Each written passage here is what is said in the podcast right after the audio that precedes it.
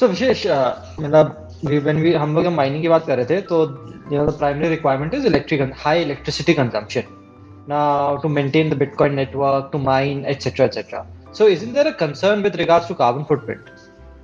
Yes, uh, there is. There is absolutely. There's a lot of people who talk about it, and uh, this is something that came to my mind also, and then I looked into it. Um, and in fact, you know, if you think about it, younger investors, uh, you know, Gen Zs, millennials, they're all very environmentally conscious and want to invest in things that are, you know, that are socially uh, and environmentally responsible.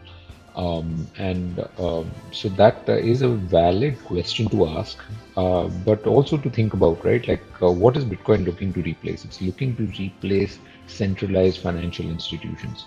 And uh, nobody ever asks the question that what is the carbon footprint of these centralized financial institutions, right? Imagine what the kind of fossil fuel that is being burned to run this entire global financial ecosystem.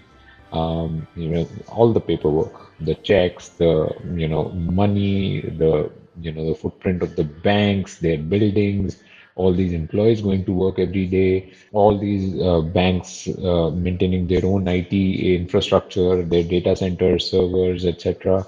People traveling, um, you know, for meetings. Um, this whole financial ecosystem built on this centralized uh, structure is burning probably way more fossil fuel than than Bitcoin. But yeah, Bitcoin gets the attention, and the question is asked because it directly asks, uh, it directly uh, sort of burns electricity or consumes electricity. But um, if you peel the layers, you'll re- you'll see that Bitcoin mining is mostly happening in areas where cheap power is available. Because you know, at the end of the day, Bitcoin miner is in the business of making money, and uh, they naturally, uh, as a business sense, gravitate towards where there is cheap power now, question is why is there cheap power and where is there cheap power? And the answer is you know, everything uh, is priced based on supply and demand. So if there is cheap power, that means there is oversupply and not enough demand. So essentially, there is power that is going to waste, which is in effect being used by Bitcoin miners for some productive purpose. And, the fact is, if there was demand, again, supply and demand, if there was demand for this power, right? If people say, oh, Bitcoin miners are taking power away from other productive users.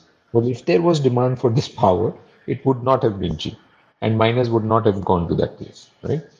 Uh, so there is no opportunity cost, right? So if there is, uh, and, and it's very easy for miner to pick up and go, right? Mining operation is simply, you know, these uh, computers, right? Like these servers, these uh, fast ASIC chips that uh, require a lot of computing power, but they kind of look like servers and they just plug and play operation. Um, you don't need too many people, you don't need to set up an office, just go plug it in and then it starts running. And mining is largely powered, you know, by therefore energy sources that are underutilized.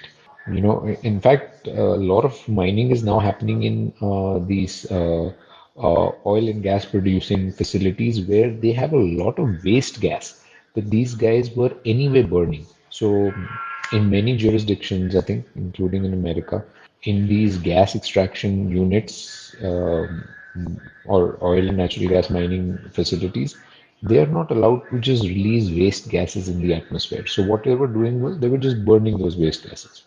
So, these are flares basically. You'll see, or you may have seen um, either on television or in movies that there are these. Uh, uh, you know there, there's just a constant fire or a constant flame coming out of a mining operation.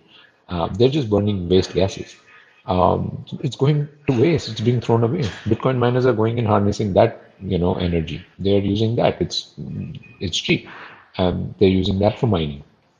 And so in fact in that sense bitcoin mining is saving the world from wasting overproduction of power uh, it's you know using it for productive use and uh, in in return making power companies more profitable you know and it's a win-win situation because they're, they're also making the bitcoin network more secure.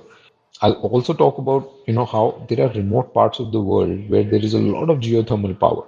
Um, um, you know iceland is a great example. So there is geothermal power um, that's cheap and freely available um, and it can be harnessed but it's not easy to transport a lot of times energy is available in remote parts of the world, but it's not easy to transport because transporting energy, there's a lot of loss of energy and it's very expensive. And sometimes it just doesn't make business sense to go all the way to Iceland to build some sort of way to transport all that electricity or that energy to an urban center where there is a large population who will need it.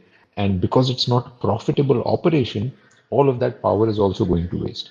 But with Bitcoin mining, just take your servers there, take your entire operation, mm, plug it in, and start running. In fact, in place like Ireland, uh, Iceland, uh, the benefit is also the fact that it's naturally cold there because there is a little bit of electricity, or not a little, a lot of electricity that also goes into cooling down these machines that are performing the mining operation. They, they generate a lot of heat and so, uh, if uh, in a Bitcoin mining operation, they have to keep them like how you may have seen in a data center, they have to keep them cool, constantly air conditioned. That consumes power. In a place like Iceland, naturally, you're getting free thermal power and you're getting a free uh, air conditioned or cool environment. Um, so it's quite profitable to do that there. Otherwise, that whole energy was going to waste.